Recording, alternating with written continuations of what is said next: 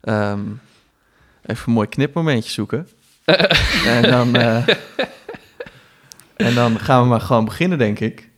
En voordat we beginnen, dan luisteren we altijd even naar, eh, naar een lekker muziekje. Lekker. Allemaal gekleed over nieuwe muziek. Dus gaan we lekker zitten of zo. Want het zijn de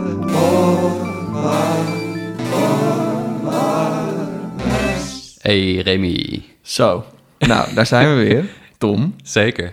hey, eh, we, hebben vandaag een, eh, we hebben vandaag een gast. Ja, En eh, niet zomaar een gast. Een gast waar veel informatie over te vinden is. Ja. Een gast die vele rollen in het culturele landschap heeft gehad. zeker. En ook, voor, steeds ook voor de podcast weer een nieuwe hoek eigenlijk, hè? Want we hebben Voor weer de een... podcast een nieuwe hoek inderdaad. Ja, Want er is, wat, er is een zekere manier om de functie te omschrijven en die weet jij.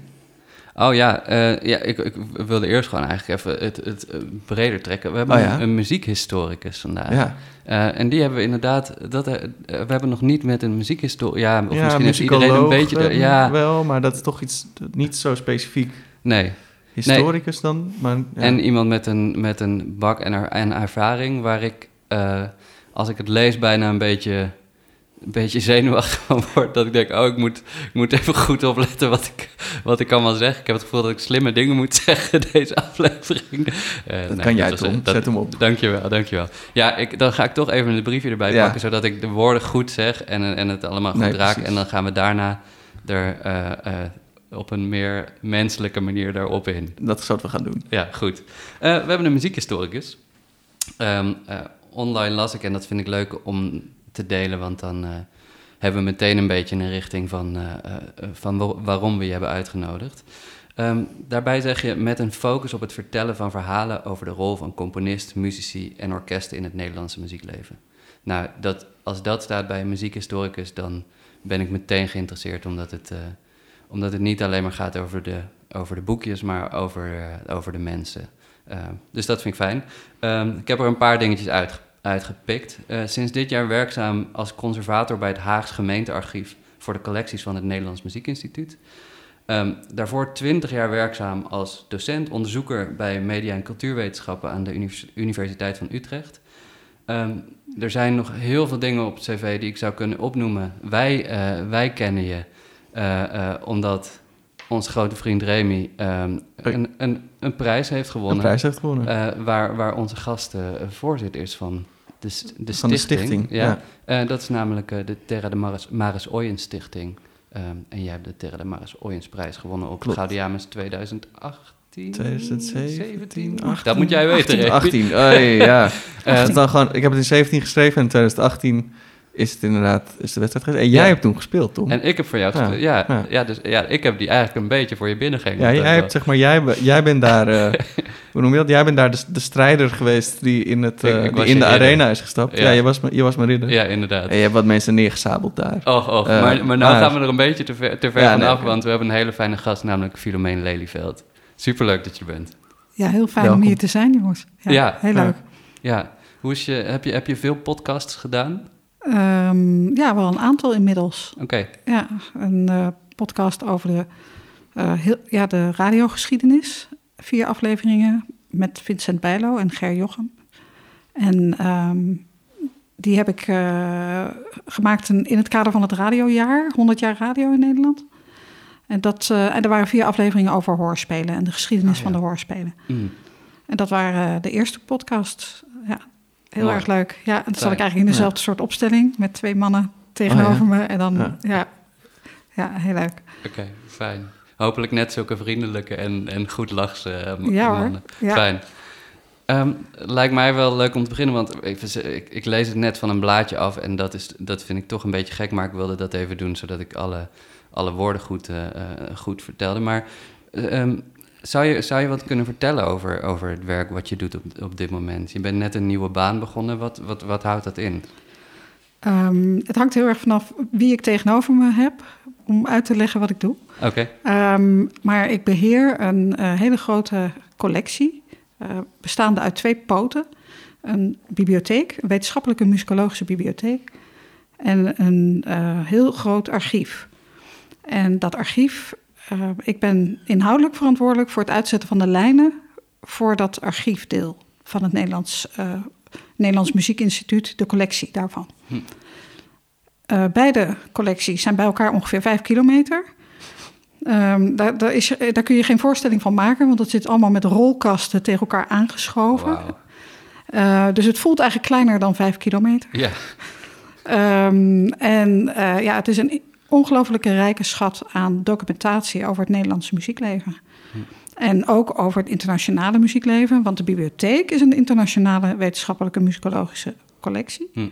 En het archief is echt een Nederlands muziekarchief, hm. waarin, uh, nou ja, daarin bewaren we de werken en de, uh, de autografen, de handschriften van componisten, uh, het persoonsarchieven van muzici, archieven van muziekorganisaties. En uh, dus dat is, zijn in totaal 700 uh, archieven, 730 archieven. Wauw. Uh, en ik moet daar een soort van ja, verhalen over vertellen. En zorgen dat mensen onderzoek gaan doen. En ehm, ja, het materiaal vinden voor hun onderzoek. toegankelijk maken eigenlijk. en dat is mijn taak. Toegankelijk maken, het beheer en behoud. Dus het materiële beheer en behoud. En acquisitie. En nou ja, daarin zit uh, het onderhouden van contacten met nabestaanden van componisten. En ook uh, contacten met componisten en muzici die nadenken over van... goh, ik ben eigenlijk wel klaar met mijn werkende bestaan. Wat zal ik dus met mijn materiaal doen? Oh ja. uh, is dit relevant voor jullie? Kunnen jullie daar iets mee? En daar gaan we dan over in gesprek. Hm. En dan, is het, ja, dan heb ik het voorrecht om ja, te mogen bepalen eigenlijk... van welke archief ik wel en niet opneem in de, in de collecties. En dat doe je dan samen met een team van mensen. Je gaat dat niet helemaal in je eentje besluiten. Ja. En, uh, ja. en het uitdragen van dat archief, dat gaat dus ook... Uh, je zei het net al, uh, ik, aan, iedereen is, aan iedereen die het vertelt... is het een beetje een ander verhaal om inzicht ja. te geven. Maar je, ik kan me voorstellen dat je ook heel veel verschillende vragen krijgt. Ik krijg ongelooflijk veel verschillende vragen. En, uh, en dat, dat is ontzettend leuk aan dat werk. Uh, kan, kan, je een voorbeeld ja, geven van een voorbeeld geven. Er is gewoon op dit moment een regisseur bezig. Om een, die is bezig met de ontwikkeling van een film. En die heeft een bepaalde hoofdpersoon. En dat is een zangeres uit een operagezelschap... dat echt in 1913, 14 in Nederland heeft opgetreden. En dan zoekt hij in ons archief naar informatie over die zangeres... En dat is dan uh, ja, heel spannende zoekvraag. Want ik weet dat we materiaal zouden kunnen hebben. Maar waar ligt dat dan precies? In welke deelcollectie? Hm. Dus zo iemand help je dan met het vinden van het materiaal.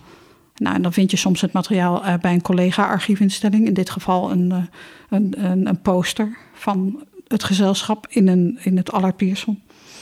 dat kun je dan digitaal toevallig vinden. Ja. Dus soms kijk je ook even over de grenzen van je eigen, eigen collectie heen... om mm -hmm. iemand verder te helpen. Dus dat is één voorbeeld. Ander voorbeeld is ook uh, iemand die wil gewoon een, stuk van Steve Martland. Daar heb je toevallig vorige, een van de vorige afleveringen ja, over klopt. gehad. En, uh, en daar is gewoon een uh, archief van de Volharding in onze collectie. Oh. En daar zit zijn werk in. Ja. Dus ik word voor een boodschap gestuurd en, om mee te kijken en mee te helpen zoeken naar de specifieke editie van waar ze naar op zoek zijn. En nou ja, wat dan lastig is, ja, je hebt een eerste versie, maar vaak ook revisies. En ze wilde de gereviseerde versie. nou ja, waar ligt die? Kun je die vinden? Nou ja, en dan trek je inderdaad een map uit dat archief en dan zie je daar allerlei versies. En dan kun je alleen antwoorden, kom maar langs. en ga zelf maar kijken wat de eerste of de tweede of de derde ja. versie is. Ja. En uh, dus dat zijn hele specifieke vragen van, van kunstenaars en muzici... die uh, op zoek zijn naar materiaal. Mm. Um, en nou, je hebt ook wetenschappers die uh, onderzoek doen en biografen. Dus er wordt op dit moment aan tien verschillende biografieën gewerkt in Nederland. Van allerlei componisten. Um, van Willem Pijper tot uh, net afgerond Gerard van Broekenfok, componist okay. uit Zeeland. Um, er, nou ja, de, ik kan niet alles noemen, want sommige dingen zijn aan het. Ik, ik weet dat een aantal projecten gaan beginnen, maar ik weet ja. niet of ik daar al over mag hebben. Mm. Um, dus er zijn. Dus je faciliteert. En wij hebben dan de archieven van die mensen, dus de werkarchieven. En daarin zit vaak ook correspondentie, behalve die autografen. Mm. Uh, correspondentie, uh, documentatie, programmaboekjes. Um, soms ook uh, magneetbanden. Als het van de jaren 50, 60, 70 is, um, zijn die soms ook meegebracht. Fotomateriaal, nou, dat materiaal. En dat stel je ter beschikking. En dat kunnen dan mensen, die kunnen dat eh, bekijken in de studiezaal. En eh, daar kunnen ze dan het materiaal eh, bekijken en bestuderen en daar verhalen over vertellen. Geweldig. Dus, dus jij, jij bent eigenlijk in je werk ook nog steeds constant bezig met onderzoek. Ja, Ondersteunen van onderzoek. Het, ja. eigenlijk. En, en dat is heel leuk. Eh, ik kom uit de academische wereld. Mhm. Ik was zelf onderzoeker en ik was een veelgebruiker van archieven bij mijn onderzoek. Allerlei verschillende archieven. En nu zit ik aan de andere kant. Mhm. En nu faciliteer ik nog steeds eigenlijk, ja, maar dan mijn collega's en ook nog steeds studenten om onderzoek te doen. Maar vanuit een hele andere invalshoek. Mhm. Ja, en het grote voordeel is dat ik heel erg getraind ben in het nadenken over het zoeken voorbij de eigenlijke vraag. Want iemand heeft vaak een zoekvraag en ik denk één stap verder soms van, maar zou je eigenlijk niet ook nog dat willen weten? Of wil je, eh, hoe ver wil je gaan? Ik weet dat daar nog dat ligt. Misschien is dat ook interessant. En zo help je eigenlijk een klein beetje de onderzoeker eh, ja, om, om verder richting te geven aan, eh, aan het pad wat ze voor zichzelf hadden uitgezet. ja, waarin je ervaring dus ook een hele belangrijke rol speelt. Ja. Als, als onderzoeker, als docent. Als... Ja, daardoor Ja. weet ik ook heel goed wat er in andere instellingen ligt. Hm. Eh, dus ik, ik ken heel goed het archief van beeld en geluid. Want daar heb ik een jaar rondgelopen eh, op basis van een fellowship voor dat 100 jaar radioboek. Mhm. En toen mocht ik gewoon achter de, ja, daar een jaar, één dag in de week, eh, gewoon vrijuit door de archieven, door het fotoarchief, door de, de documentatie, door de, echt, daar liggen ook persoonsarchieven van regisseurs, van radiodirigenten, noem maar op. En eh, eigenlijk dat aspect van beeld en geluid is eigenlijk niet zo heel erg zichtbaar. Ze manifesteren zich heel erg met van, we zijn er voor het audio en bewaren van audio Mhm. en beeld. Ja. Maar ze hebben dus ook een heel groot papieren archief. En daar heb ik dus eh, verhalen naar boven getrokken over de oprichting van Radio 4, de notulen van die oprichtingsvergaderingen. Ehm, ik heb daar het materiaal van een radiodirigent, van Hugo de Groot, eh, de vader van Else van Epen de Groot, over wie we het straks nog gaan hebben. Ehm, dus dat archief van Hugo de Groot ligt daar, maar ook het archief van Els van Epen de Groot, de componist. Nou ja, goed, ik heb overal even steekproeven genomen om te kijken wat is dit nou voor type materiaal. Kan ik daar wat mee? Kan ik daar een nieuw verhaal mee vertellen voor dat radioboek? Ja, Nou, en dat heeft een aantal nieuwe verhalen opgeleverd. Mooi. En, eh, ja. En je- bent, je bent dus voor jezelf ook constant eigenlijk nieuwe, eh, nieuwe mensen aan het ontdekken, nieuwe, nieuwe kunstenaars, nieuwe muziek. Eh, ho- hoe komt het dat je dat, dat, dat zo'n drang heeft om daar, om daar naar op zoek te gaan? Of wat? ja, dat is een hele goede vraag. Want dat is wel de. Eigenlijk doe ik dat dus al mijn hele leven. Mm, En, en dat al vanaf dat ik pianoles had als, eh, als tiener. Eh, ik was een van die pianoleerlingen die dan in de vrije tijd eh, naar de open- openbare bibliotheek ging. Waar dan in Rotterdam echt een hele grote, hele grote bladmuziekvoorraad. Waarin ik zat eh, en dan gewoon ging kijken van wat kan ik spelen. En dat nam ik mee naar huis, ging ik uitproberen en dat nam ik mee naar les. Van eigenlijk misschien wil ik dit wel spelen. En eh, dus ik heb dat eigenlijk al, ja, een soort leergierigheid en, en dingen willen Mhm. ontdekken. Eh, ik, ik kan niet anders eigenlijk. Ja. mooi. En ik was heel blij toen ik ontdekte op de middelbare school dat er een studie bestond waarin je dit kon leren en professioneel kon maken, namelijk muzikologie. Dus dat ben ik toen gaan doen. En eh, nou ja, toen heb ik me door het hele curriculum geworsteld voor een deel. Dus het eh, muziektheorie, harmonie, contrapunt, Oh ja. solfège. Ik moest dat allemaal doen en daar was ik dus helemaal niet goed in. Ik was een pianist van huis uit. En, nou ja, goed. Maar ik heb me er doorheen eh, geslagen door die theorievakken. En toen dat afgevinkt was, ben ik zo gauw mogelijk eigenlijk vooral eh, geschiedenisvakken gaan doen. En eh, ja, en toen ergens, weet je, het, het kan heel lang duren. En ik heb natuurlijk heel veel met studenten gewerkt, omdat ik dus eh, ja, gepromoveerd ben uiteindelijk en twintig jaar aan de universiteit gedoseerd. Maar eigenlijk pas in het vijfde jaar viel het kwartje. Toen wist ik ineens van, ik, heb, ik ben niet een, een muzikoloog die noten en die, die wil, wil analyseren hoe precies een stuk gemaakt is en hoe precies de inhoudelijke artistieke ontwikkeling is van een componist. Mhm. Ik wou het gewoon over geld hebben. En dat was heel raar. Ik wou gewoon weten hoe verdient de componist nou eigenlijk zijn geld.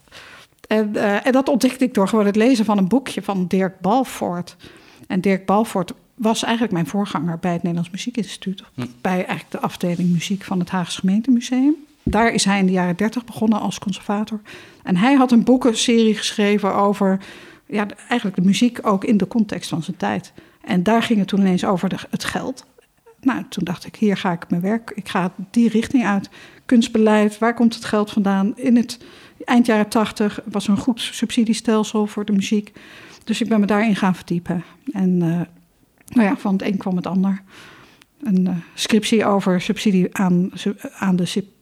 Uh, een afstudeerscriptie over, de, uh, ja, over hoe de overheid begonnen is met het subsidiëren van symfonieorkesten in Nederland. Hm. Waarbij ik dus allerlei archieven heb geraadpleegd van de overheid. En ook ja, nieuwe bronnen heb geraadpleegd. Hm. En, en dat is toen eigenlijk uit de hand gelopen daarna. Ik krijg ja, in allerlei richtingen, maar nou ja. Uh, ik wil ook niet, mensen niet overvoeren, want ik heb natuurlijk vreselijk veel gedaan. Dus ik leg graag weer even bij jou neer wat, uh, waar we op verder gaan. nou ja, um, uh, we kunnen, want misschien raakt dat hier al een beetje aan. Jij hebt namelijk een, je stuurde een mail zoals iedereen altijd een mail stuurt met de stukken die je graag zou willen dat wij spelen. Um, dus dan, dan kijk ik natuurlijk daar altijd eventjes naar. Die ga ik dan altijd eerst even uh, eerst even luisteren. Dus ik klik eigenlijk op de, op de link die hij had meegestuurd. En er begint een, uh, een, uh, een, nou ja, een musical deuntje, zou ik willen zeggen, te spelen. En ik ik, de eerste vraag die ik had is zo van, wat is hier het verhaal bij?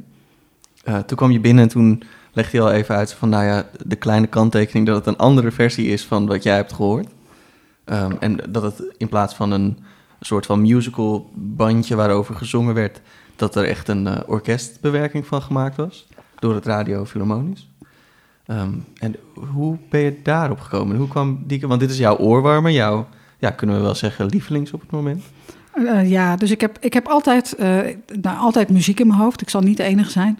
Uh, en altijd, um, mijn, mijn liefde voor bepaalde stukken is altijd een soort van tijdelijk. En op dit moment um, ben ik heel enthousiast over Alice in Wonderland. En dat is een hoorspel, een radiohoorspelbewerking uh, van een spel dat oorspronkelijk in 1946 geschreven is en ook uitgevoerd en voor de radio geweest. Uh, van um, Elze van Epen de Groot, een componiste die ik net ook al even noemde, samen met Con Schreuders, een schrijver die in die tijd veel werken maakte. En dat stuk dat is gemaakt voor de KRO, vlak na de oorlog, in de tijd van eigenlijk van echt het land weer opbouwen en ook die radio weer bij elkaar en weer ja, weer iets neerzetten en iets weer neer willen zetten op de radio. En uh, nou ja, goed, die, uh, dat spel ik, ben ik op het spoor gekomen in mijn onderzoek naar hoorspelen en naar de geschiedenis van de muziek van hoorspelen omdat dat een beetje een veronachtzaamd gebied is. Dat is ook weer zo'n domein waarvan je ontdekt... hé, hey, er is helemaal niks aan gedaan en daar wil ik wel in springen. En um, nou ja, goed, dus daar was ik een jaar of drie geleden mee begonnen... toen ik bij Beeld en Geluid rondliep... met dat verzamelen van die muziek in hoorspelen. En uh, nou ja, goed, toen kwam ineens, ja, toen kwam corona. En toen lagen ineens alle orkesten stil. En toen waren ze bij het Radio Philharmonisch Orkest, waar ze een, uh, ja, ook van hun operaproductie viel uit. En uh, van wat kunnen we nu gaan doen? En toen is er een initiatief geweest vanuit de NTR. Frans van Geurp, programmamaker, samen met de beheerders van de collecties van de het muziekcentrum van de Omroep. Um, die hebben de handen ineen geslagen en een serie gestart van Hilversumse muziekschatten. Uh, daar, waarin ze dus echt uh, bijzondere radiomuziek, die kenmerkend was voor een bepaalde tijd, uh, opnieuw tot leven zijn gaan brengen. En ze kwamen toen bij mij met de vraag van, Filomeen, kun jij een, een, een gros lijst aanleggen van stukken die interessant zijn op het gebied van muziek in hoorspelen? Nou, en omdat ik inmiddels drie jaar bezig was en een grote database had met al die composities en al die componisten. Dat zijn op dit moment 160 componisten die voor hoorspelen hebben geschreven. Hm. En ik heb 850 spelen nu in de, in de database. En dan, ja, uh, je kunt bijna de, vraag stellen welke Nederlandse componist heeft niet voor hoorspel geschreven. Uh, bijna iedereen heeft daar eigenlijk wel voor gesnappeld. Maar deze dame is heel bijzonder. Dus Else van Epen de Groot, omdat ze zo veel hoorspelen heeft geschreven. En zij was echt heel veel gevraagd en ook heel goed in dat genre. En uh, ik heb wat interviews gevonden van haar in de jaren 40 en 50. Uh, eh, waaruit bleek dat zij gewoon, uh, ja, ik, ik, ik, noem haar wel een soort toptalent op de korte baan. Zo'n short, short track rider voor het schaatsen. Zij kan gewoon in één minuut een, een sfeer neerzetten en een verhaal vertellen. En very short storytelling in music. Dat is eigenlijk wat zij doet.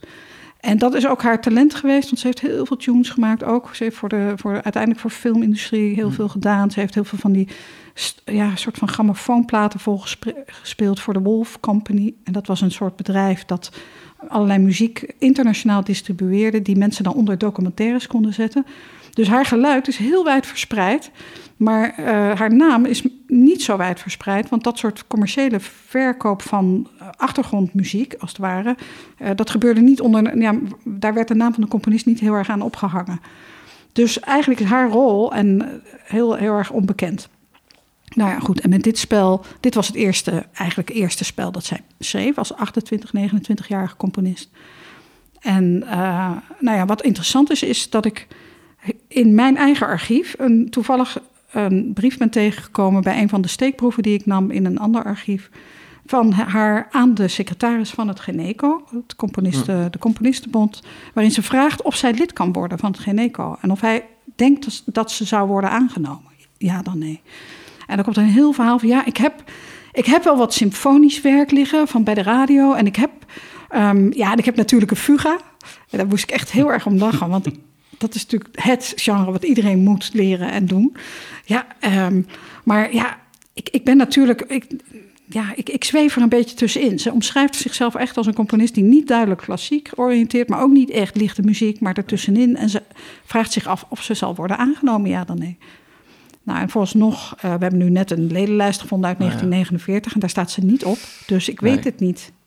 Ja, maar dus dit is even over de achtergrond van Else van Epe de Groot. Mm -hmm. En het spel Alice in Wonderland is gewoon een, een zangspel en echt een voorloper van, uh, van wat later de musicals werden van uh, Annie M. G. Schmid en, enzovoorts. En dat hoor je ook. Je hoort ook Amerikaanse invloeden in dat spel.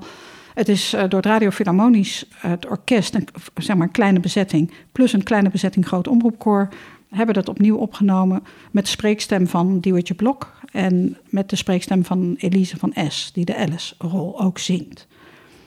Nou, en het nummer wat ik heb uitgekozen, dat is echt een oorworm. Dus, het nadeel, dus als je dit stuk hebt geluisterd, dan heb je de rest van de dag heb je het refrein in je hoofd. En ik vind dat gewoon leuk, omdat uh, ja. Ja, het oorworm is zo belangrijk bij jullie in het programma. Zeker. Dus daarom koos ik uh, hier voor nou. wat op dit moment mijn oorworm is, die ik dus niet uit mijn hoofd kan krijgen. Dat vind ik een hele mooie. We gaan er, uh, we gaan er naar luisteren.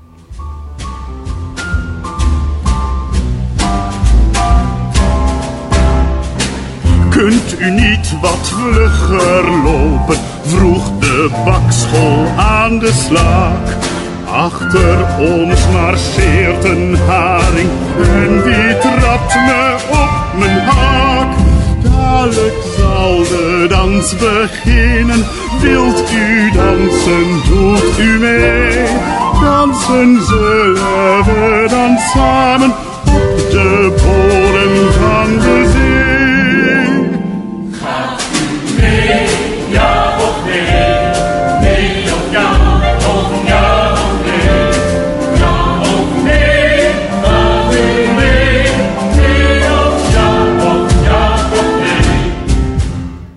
Ik ben het wel met je eens dat dit een oorworm is, inderdaad.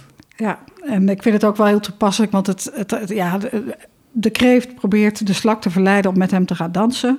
Uh, in de partituur staat grote letters Fox. Tot.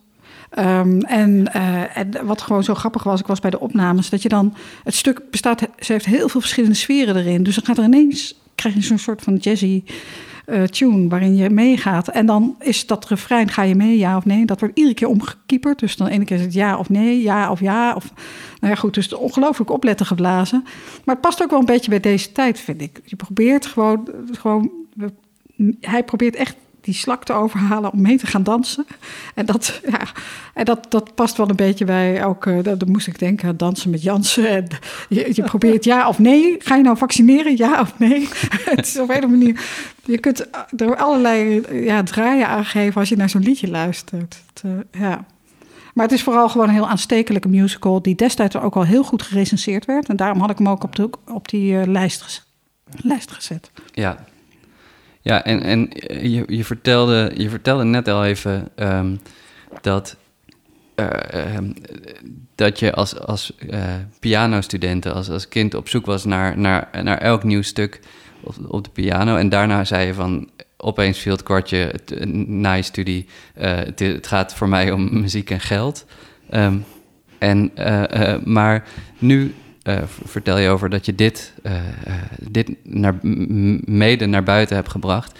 En dat vind ik dan toch leuk, want dan, hoe, waar komt de passie vandaan om- deze, ja, deze parels eigenlijk nog op te duiken en een, en een plek te geven? Dat is, dat, ik bedoel, het is toch vanuit het archief de, de Ik, ik ben in. voortdurend aan het zoeken naar van wat is nou het verhaal dat nog niet wordt verteld. Hm. En het verhaal over muziek en geld werd in de studie helemaal niet verteld. Dus ik had zo'n hele studie en allemaal. En, en het ging nooit over het geld. Het ging nooit over de sociale context. Dus die kant ben ik gaan ontwikkelen. En daar ben ik ook uh, uiteindelijk een proefschrift. ging over de sociale positie van componisten en muzici. Hm. Uh, in het interbellum. Hoe verdienden ze hun geld? Wat waren de vak, hoe richtten ze vakbonden op? Werkten ze samen? Maar natuurlijk wel tegen de achtergrond van de muzikale ontwikkeling, opkomst van de jazz, et cetera. Ja. Um, maar wel gewoon het, het, het highlighten van de verhalen, ja, waar gewoon niemand zich nog heeft, mee heeft bezig gehouden. Uh, want ik vind ook gewoon, ja, je hebt, je hebt waarom zou ik nog eens als, als dertigste of nou ja, als, als vijfduizendste het onderzoek eh, doen naar Mozart? Weet je wel, er zijn al zoveel mensen daarmee bezig. Maar je hebt ook muzikologen die oprecht daar nog weer een niche vinden om daar weer iets nieuws over Mozart te vertellen. Maar ik denk, ja, maar we hebben nog zoveel componisten. Ik heb Nee, hier nog, in mijn archief heb ik nog 600 componisten van wie nog überhaupt geen verhalen zijn verteld. Uh, laten we daar gewoon mee gaan beginnen. Uh, en, en het leuke daarvan is dus dat gewoon zo'n zo'n musical op het pad komt. Het is, uh, ja, het is gewoon ontzettend geestige, leuke muziek. En, uh, en heel, gewoon heel geschikt voor heel veel doelgroepen. En ook om eventueel weer op een podium neer te zetten als een ja, soort van vertelling. En, en dat is natuurlijk heel erg ja, bevredigend. En dat dit kon door deze omstandigheden. Want het was eigenlijk, ik had het in mijn projectplan pas over vier of vijf jaar staan. Ik dacht, ik moet natuurlijk eerst het onderzoek doen. Ik moet eerst beschrijven wat goede werken zijn. En dan moet ik gaan leuren. Gaan leuren langs orkesten of ze het willen gaan doen. En toen was het ineens, pats, pats, konden we vier werken opnemen. Dus behalve van haar gaan we ook Ton de Leeuw een stuk doen. En van uh, Juriaan Andriessen, okay. ook een uh, hoorspelmuziek. En van hm. Karel Mengelberg. Oh. En dat is dan een, uh, ja, zeg maar een, een neef van de Willem Mengelberg. Van de Mengelberg, ja. ja maar uh, nou goed, dus de vader ja. van Misha en van Casper oh, Mengelberg. Ja, ja zoals we ook uh, twee afleveringen geleden een klein, een klein inzicht hebben gegeven in de familie Andriessen. Maar Juriaan is natuurlijk ook verwant aan, of ja, Louis aan ja, Juriaan. Ja, ja. Um, je, je noemde net al hoorspelen. heb je zelf wel? Ik hou heel erg van hoorspelen. Heb je zelf wel eens een hoorspel gemaakt? Nee, ik heb niet zelf, uh, niet zelf eentje gemaakt. Nee, nee. Want Jij, Remy? Me, nee. Nou ja, als ja? kind heel veel. Uh, en daarna natuurlijk ook. En in, in, ik geef ook les. En in mijn lessen doe ik het ook wel met groepen. Dat is, ja. dat is gewoon een hele leuke manier om uh, ja, de abstractie van muziek heel concreet te maken. als ik het heb over lesgeven. Um, maar het is ook gewoon een hele leuk medie of ja, een hele leuke werkvorm eigenlijk. Omdat je er alles in kwijt kan het is nooit aan één genre of één soort klank gebonden. Je mag letterlijk alles doen. Ja. Uh, dat, dat spreekt mij heel erg aan. Mm -hmm. Maar ik kon me meteen voorstellen dat je hoorspelen maakt over de verhalen van componisten. Als je toch dan die brieven en die, dat materiaal hebt. Nou ja, ik denk eerder van, ik, uh, er is nu door de technologie, is het makkelijk om zelf hoorspelen te maken. Ja, precies. Maar toen ik jong was, uh, moesten we echt met cassettebandjes ja. rommelen. En dan had je zo'n zo'n stereodeck waar je dan... Uh, ja, dat, dat is niet inspirerend om daarmee een hoorspel te maken. En Ja. dan, ja, dan, dat was ingewikkeld, weet je. Ja, dat was Nee. het ook. Maar Ja, ik, ik gebruikte ja. die, of tenminste, ik ben wel Jij deed dat wel. Ik Jij deed het met de bandjes inderdaad, ja. Ja, ja, En dan moest ja. je twee bandjes hebben, want dan, ik, of die van mij Klopt. kon maar op één bandje zetten. Dus dan moest ik het op één bandje opnemen, daarna afspelen, de geluiden erbij maken, op het andere bandje opnemen en zo pingpongen. Ja, van ja. nou, zo, zo fanatiek. Ik, dat, hoorspel is voor mij pas een late liefde. Oh ja. Ja, dus ik heb dat echt pas, ja, weet ik veel, op mijn dertigste ontdekt of zo. Dat ik eh, hoorspelen ben gaan luisteren. Dus dat is best eh, relatief laat, zeg maar. Ja, een late adapter. Maar Ja, worden, heb je daar zicht op? Worden er nu eigenlijk nog veel hoorspelen gemaakt? ja nog steeds. Ehm, ja, maar op een andere manier. En wat ik heel leuk vind, dat, dat zie je ook internationaal, dat steeds meer muzici hoorspelen maken. En de leukste club vind ik zelf het Rosa Ensemble. Die hebben dan de Deense Detective gemaakt. Ja, dat is gewoon geniaal wat die daar doen. Eh, want die doen dan eigenlijk, maken die hoorspelen zoals het in, in de jaren twintig ook nog gebeurde. Dat de muzici die dan bij een hoorspel betrokken waren, ook de geluiden maakten. Ja. Ehm, al waren het dan aparte acteurs. En dan de Deense detective wordt dan gemaakt door een, een ensemble dat echt alles zelf doet. Dus en de techniek en de stemmen. En, nou ja, en dat waren, ja, in de hoogtijdagen van het hoorspel waren dat allemaal verschillende rollen. En eh waren allemaal verschillende mensen voor. En zij doen dat gewoon op podium live. Ja. Ja, en wat ik dan, het wat zo magisch is van naar een live gespeeld hoorspel gaan, is dat je in hun geval een koptelefoon op je hoofd krijgt, waardoor je dus de stemmen heel goed kan horen. En dat je dan gewoon oprecht verbaasd kan zijn dat je, dat je eigenlijk niet meer weet wat je ziet en wat je hoort.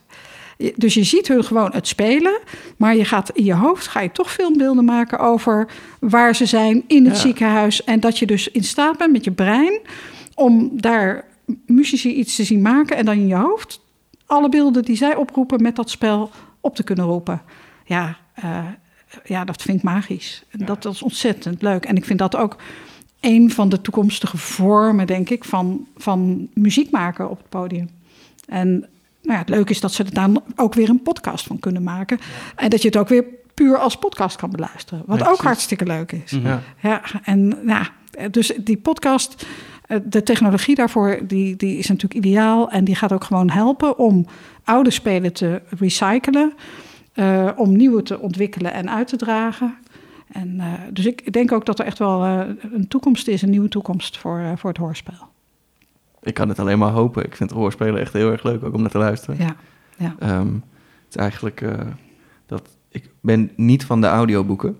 eh, maar de ene keer dat ik een audioboek eh zat te luisteren, had ik er dus last van dat het alleen, alleen vertelling was.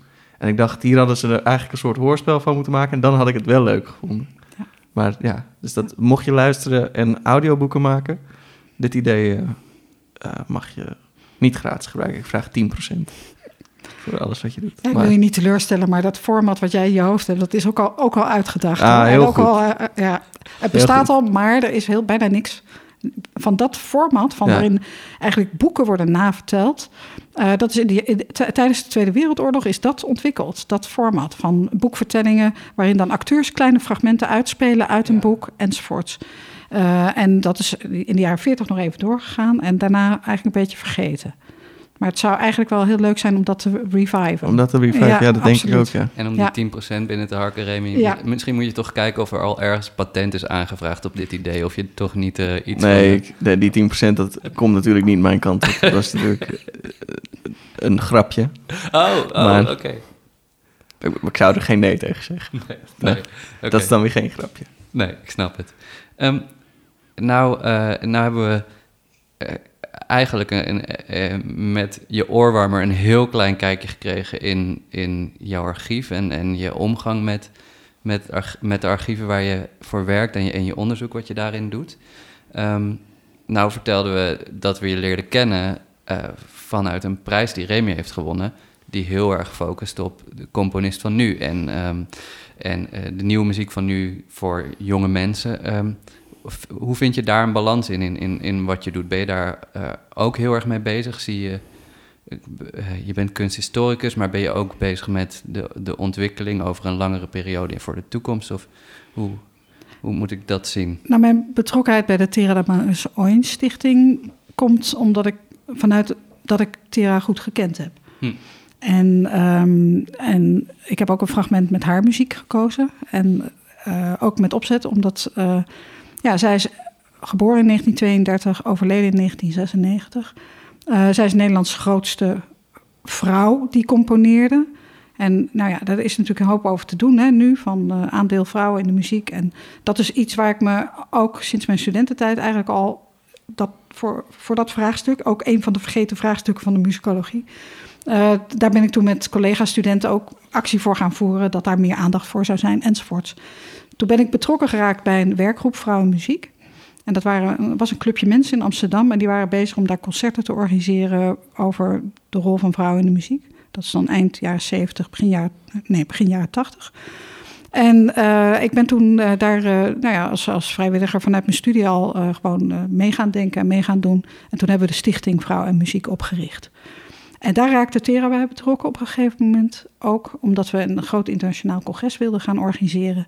En wij zijn samen naar New York geweest, naar, naar de Fifth Conference on Women in Music. Dat was een internationaal netwerk, ehm, eind jaren tachtig. eh, van eh, in allerlei landen organisaties van vrouwen die bezig waren om die, nou ja, die, dat scheppend aandeel van de vrouw in de muziek, zeg maar, om dat te promoten.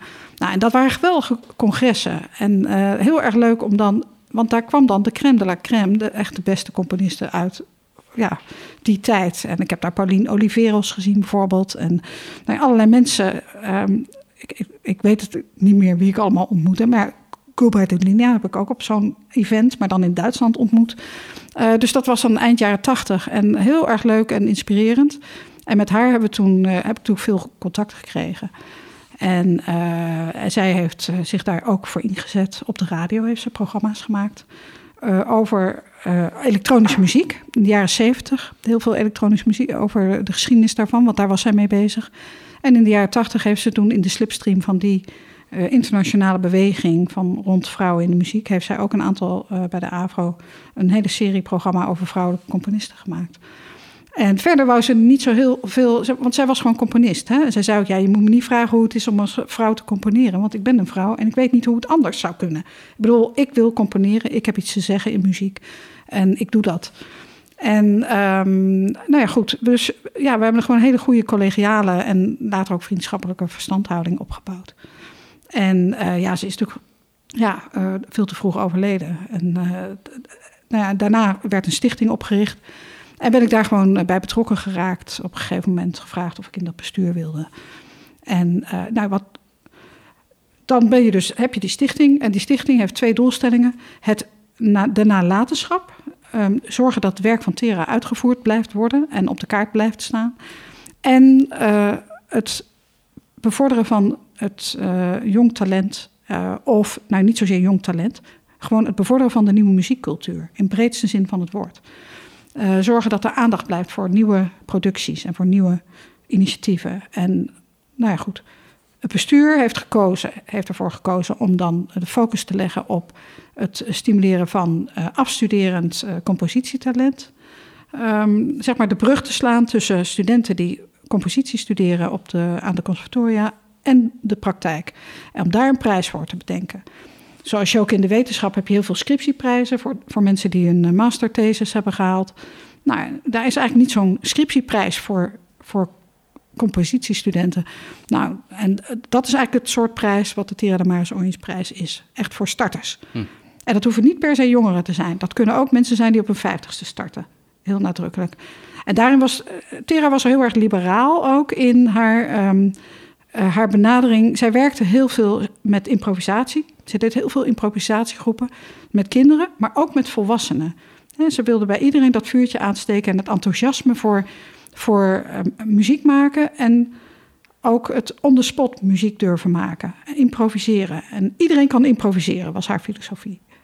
En ehm, nou ja, goed. En dat, ja, die veelzijdigheid van haar, die was echt ongelooflijk. Maar die was ook haar handicap. En dat merk je nu een beetje van...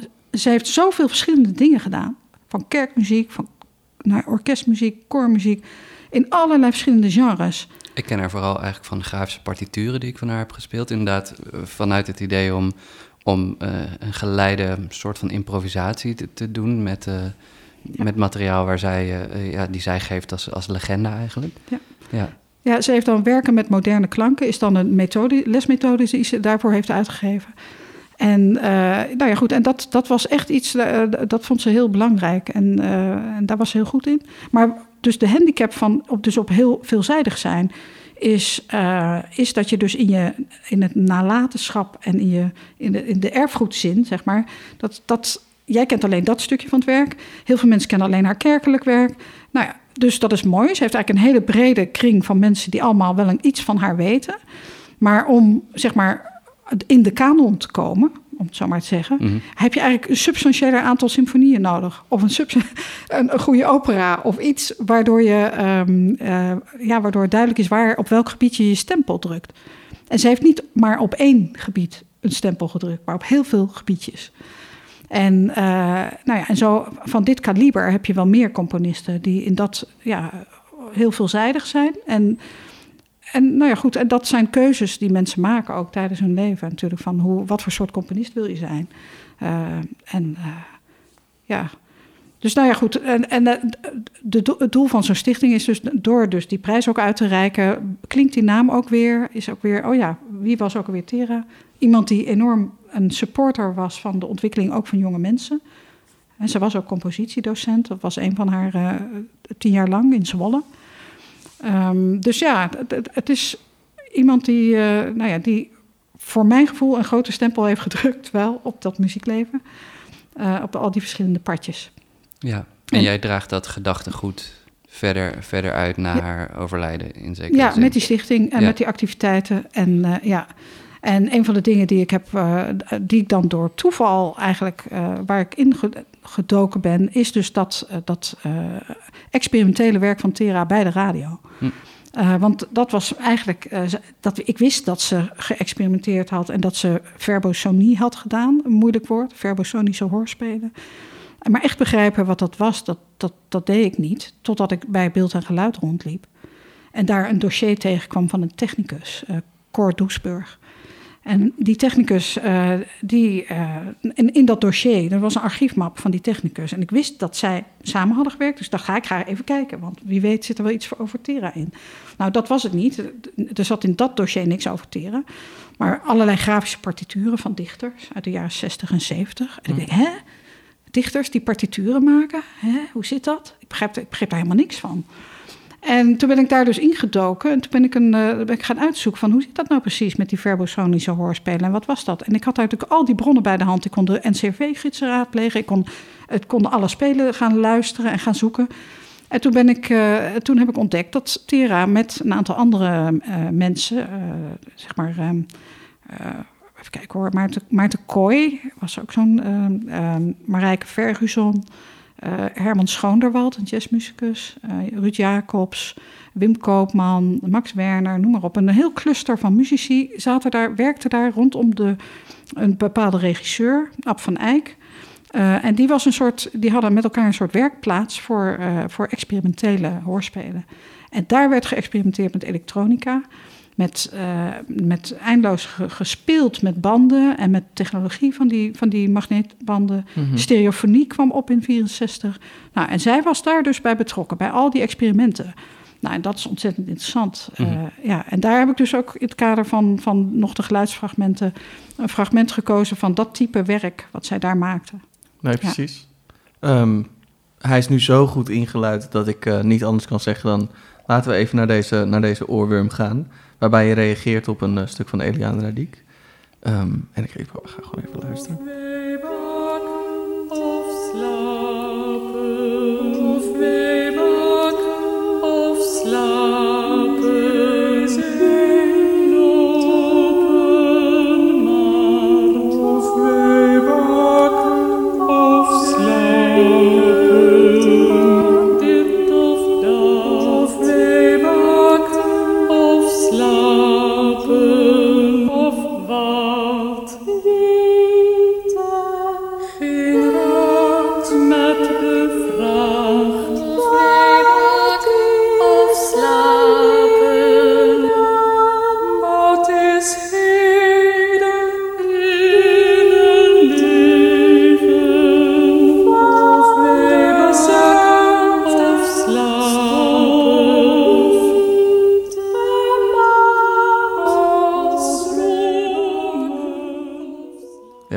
Uh, fragment geluisterd van, uh, van Dreams of Madness van Tera de Maris Oyens. En nou ben ik eigenlijk wel heel benieuwd naar wat jouw connectie is uh, met het stuk, zeg maar tussen dit stuk en het stuk van Eliane Radiek. Um, de connectie is het, het, het geboortejaar, 1932, van de beide componisten. Okay. En de connectie is de elektronische muziek. Dus ik dacht, uh, ja, Franse componisten die zo ja, prachtig elektronisch ja. werk heeft gemaakt, ze waren tijdgenoten. En uh, Tera is in 1964 met elektronica begonnen. En, uh, en nou ja, goed, hier zit heel veel elektronische bewerking in. We kunnen alleen nog maar ja. Ja, één minuut uh, kiezen. En dit stuk is gewoon een, ja, in die elektronische bewerkingen gaat ze gewoon allemaal stemmen en ook angstsferen door elkaar klutsen. Eh, want de hoofdpersoon van dit hoorspel is een boer die terug wil naar zijn huis. Daar is hij zo min of meer uitgezet. En die, eh, en die heeft allerlei angstdromen. En ze kan dan met elektronica, nou ja, dan creëert ze werkelijk een, een wereld, een angstwereld, waar gewoon, ja, het is gewoon geen mooie muziek. Je, je wordt er zelfs, als je dat hoort, echt ook een beetje bang van. En dat is ook precies wat het wil oproepen. En dat was ook precies waar die elektronica ook zo goed voor was. Hè? Want je kon al die stemmen manipuleren en er zo'n galm in zetten. En waardoor het allemaal heel spooky werd. Ja, en die mogelijkheden uitbuiten en uitproberen, dat was wat ze ontzettend leuk vond aan die elektronica. Terwijl ze er eerst eigenlijk, uh, eigenlijk zoiets had van, hm, wat moeten we ermee? Uh, en, maar ze had een beurs gekregen of een prijs gewonnen ergens. En toen dacht ze, nou weet je wat, laat ik in ieder geval wel kennis mee maken. En dat was ook een heel belangrijke filosofie van haar. Van, je moet je openstellen voor alles als componist. Je moet luisteren naar elkaar, aandacht hebben gewoon voor andere muzikale werelden. En je mag het nooit in één keer afwijzen. Altijd probeer je erin te verdiepen. En in dit geval is het bij haar een beetje een uit de hand gelopen uh, verdiepingsproces geworden. Want zij had niet verwacht dat ze het zo leuk zou vinden. Ja, want ze is daarna heel veel ook in de studio gaan werken. En Ja. Ze heeft heel veel stukken met tape gemaakt. Of Ja. tenminste, voor een instrument of instrumenten en, Ja. en tape. En Band. ze is zelf ook een, heeft in haar eigen huis ook een studio gebouwd. En waarin ze dus zelf eh, met tape kon werken. Ja. Dus dat, eh, en er zijn dus heel veel stukken. En zij ontdekte wel dat. eh, eh, ze heeft één stuk gemaakt alleen voor elektronica. En dat is één keer opgevoerd op een podium. En daar was ze bij. En toen was ze zo teleurgesteld. Eh, omdat ze gewoon eh, dacht van ja, er gebeurt hier gewoon niks. Want dit heeft natuurlijk gewoon geen zin. Ik zit er gewoon naar, een, naar, naar twee luidsprekers te luisteren. Ja, goed. Dus daarom, sinds die tijd, maakt ze altijd combinaties. Het is altijd functioneel, altijd in verbinding met uitvoerend muzici. Zodat er ook iets gebeurt op het podium. En dat er een interactie is tussen Ja. elektronica en het verhaal. Nou ja, en daar is dan die, die radiofonische hoorspelen waar zij zich in eh, op toelichten. Ja, daar, daar is het heel dienend. Altijd die, die, ja, dat is gewoon heel spannend. En dat werkt ook, functioneert ook heel goed in die context. Ja. Dus dat is de verbinding, de elektronica. En, eh, ja. En, en, Tere de Maris Ooyens. Ja. Ehm, is die, zijn haar hoorspelen ook terug te luisteren? Als, als mensen die nou online eh, willen vinden, die van Tere. Ehm, nou, dat is, dat is dus een, eh, het is terug te luisteren voor alle mensen die een hogeschool of een academisch account hebben. Oké. Want die kunnen via Ja. een achteringang kunnen ze het archief van beeld en geluid Ah. beluisteren. Er is een, de achteringang noem ik, eh, dat is Media Suite, Media Suite Claria. En daar kun je dan gewoon inloggen met je accountgegevens van de universiteit of de hogeschool. En een aantal van die spelen zijn daar te beluisteren. En ook de interviews met Tera eh, door Ab van Eyck en met fragmenten uit dat werk, eh, die kun je, kun je beluisteren. En het is niet, eh, niet in het publieke domein. En het zou natuurlijk wel heel leuk zijn om te kijken van welke vorm kun je vinden eh, ja, om dat wel, wel te doen. Ik heb Ja. wel, ja, in de geschiedenis van het hoorspel, in die podcastserie, heb ik een flink fragment van een van die stukken gestopt. Maar verder, ja, nee, het is Mhm. Nog, nog even behelpen en zoeken van welke vorm kan je nou vinden om dit dan opnieuw ja, te laten horen. Want het grappige is, dit soort werken van die NCRV-groep, die zijn eigenlijk vrij tijd, tijdloos.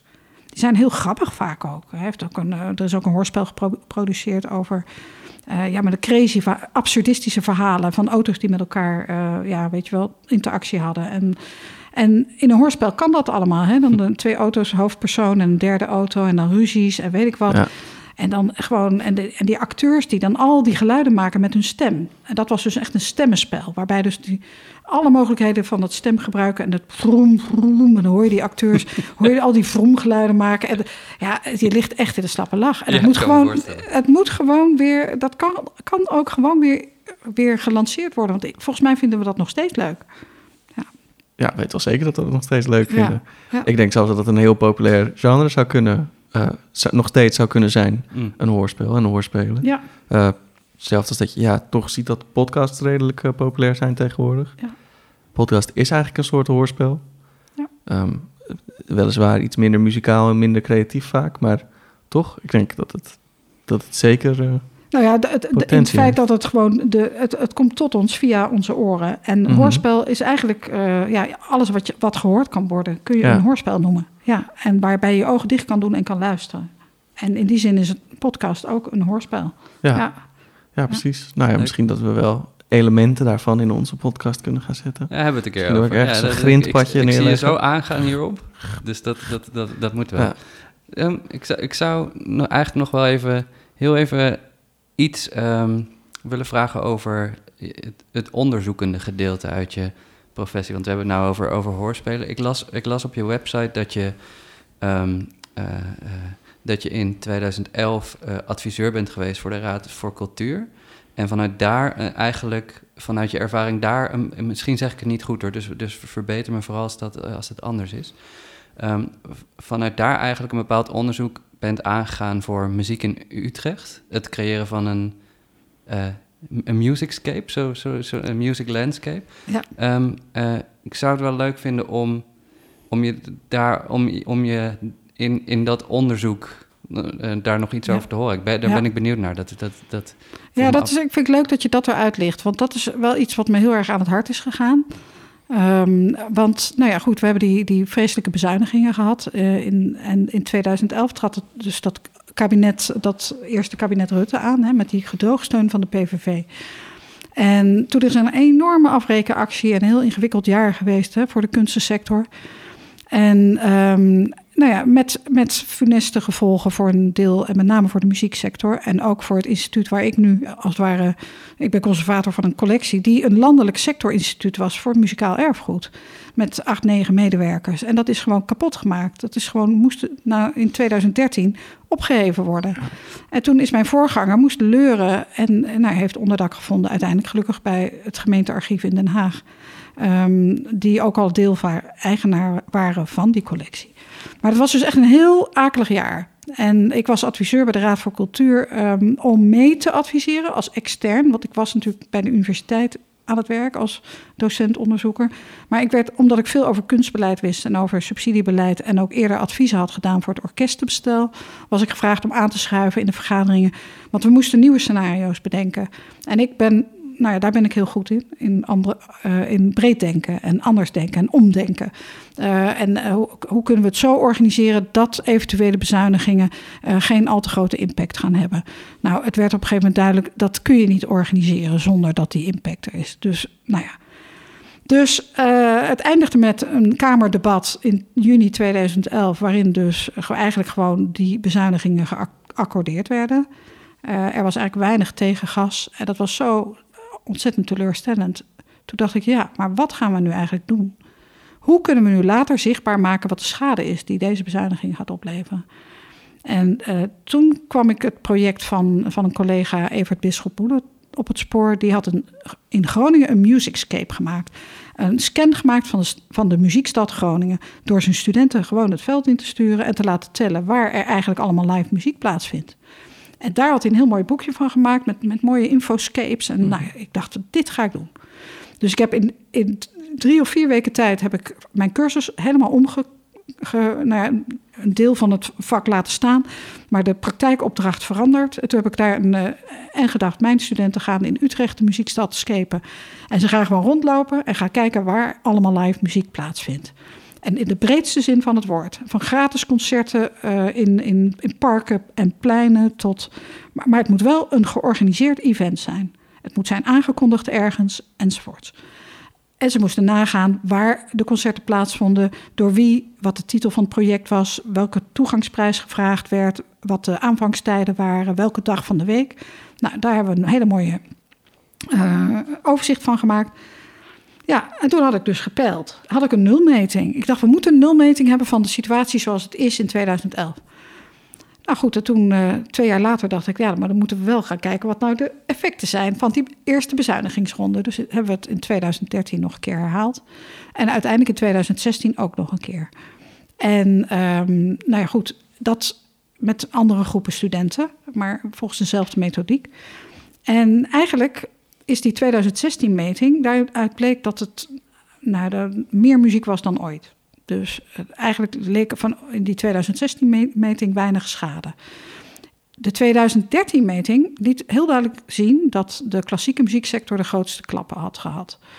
Uh, want daar waren de toegangsprijzen. Eigenlijk was de reactie van de muziekwereld geweest om de toegangsprijzen te verhogen. En die waren het meest verhoogd in de sector klassieke muziek.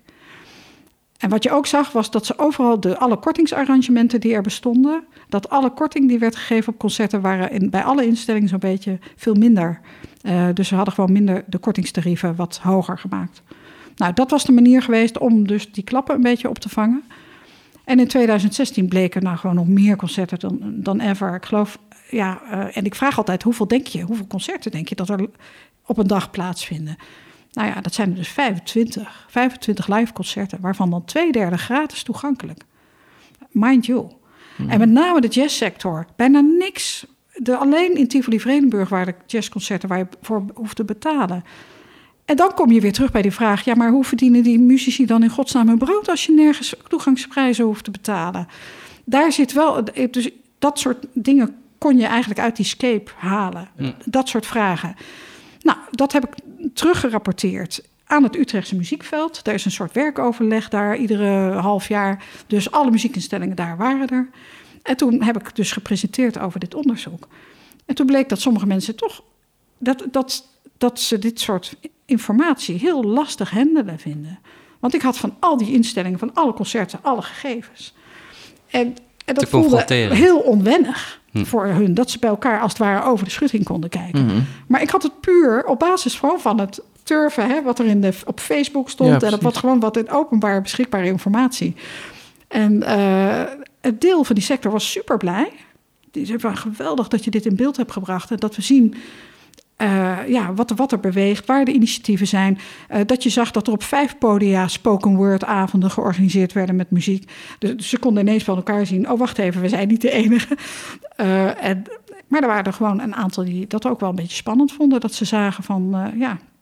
Hm, ja, de capaciteitsproblemen of het overaanbod in bepaalde genres. Of, nou ja, um, maar goed, ik vind het nog steeds een heel waardevol onderzoek. En ik wil nog steeds, dus bij deze een oproep aan alle musicologie-studenten: uh, uh, ga bij elkaar zitten en ga het nog een keertje doen. Want ik ben zo benieuwd nu wat het corona-effect nou eigenlijk is.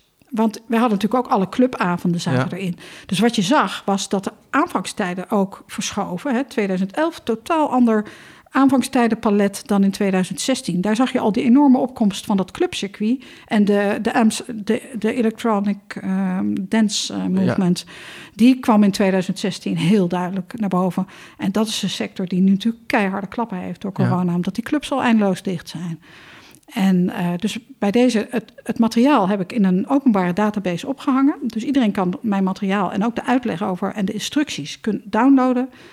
Uh, waar, waar kunnen ze dat vinden?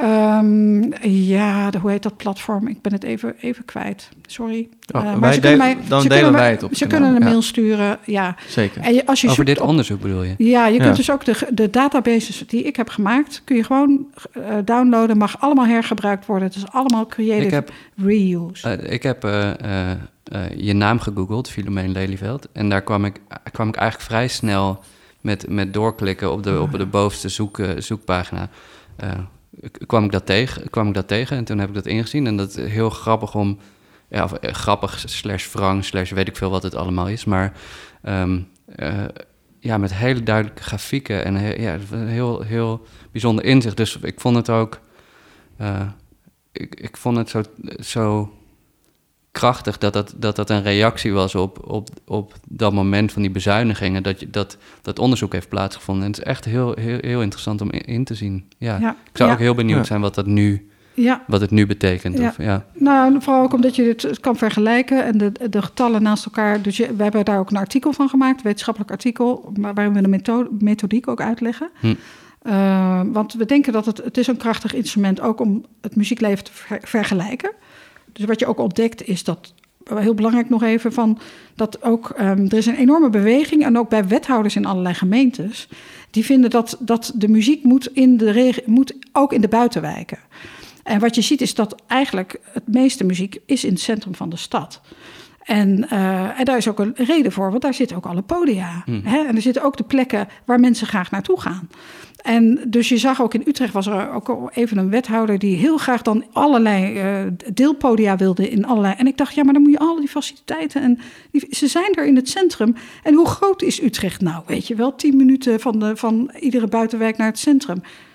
En willen mensen wel, eh, mensen willen een avondje uit. In de binnenstad toch ook, als je in Overvecht woont. Dus de, het, het bevraagt ook dit soort dingen in beeld brengen.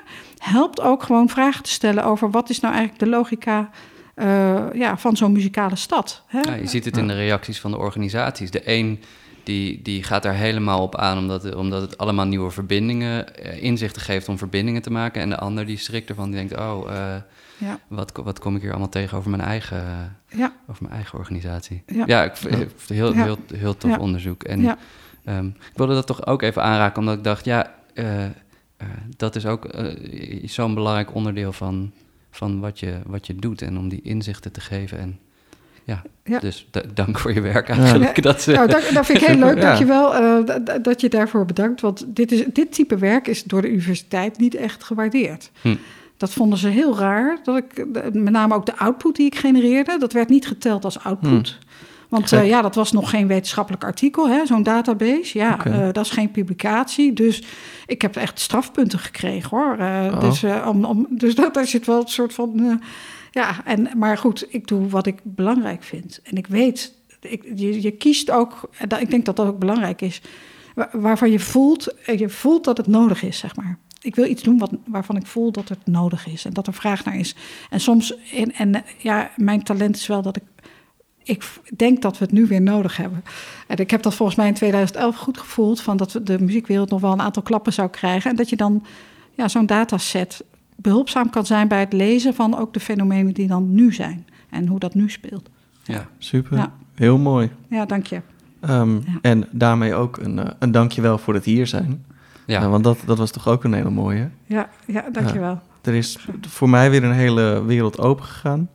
eh, over ja, onderzoek van muziek en hoe je dat sociaal in kan zetten. En de inkijkjes die je daarvan krijgt. Eh, super waardevol. Ik hoop inderdaad dat er een paar muzikoloogstudenten opstaan en, eh, en hier, eh, hier de tanden inzetten. Ik zal sowieso op, ehm, ehm, eh, op de Facebook-post rondom, rondom eh, deze aflevering... Ja. zal ik ook het linkje zetten waar je, eh, waar je het onderzoek ook kan inzien. Gewoon om... eh, We delen. om ja. Dat komt helemaal goed. Ja, en het dan, lijkt me heel leuk als andere mensen het over willen pakken. Want dit is nou typisch onderzoek dat ik niet meer kan doen. Ja. In mijn huidige functie. Ik ben nu met eh, ja, erfgoedzaken ja, bezig. maar er, Ja. er, er, er- je hebt nog eh, je hebt het naald en draad laten liggen waar het opgepakt kan worden. Goed zo. Eh, dus ik zou, dat, daar sporen we de mensen toe aan. ja, En dan voor nu wil ik zeggen, dank u wel en eh houdt, u, eh, houdt u de oren warm. Graag gedaan.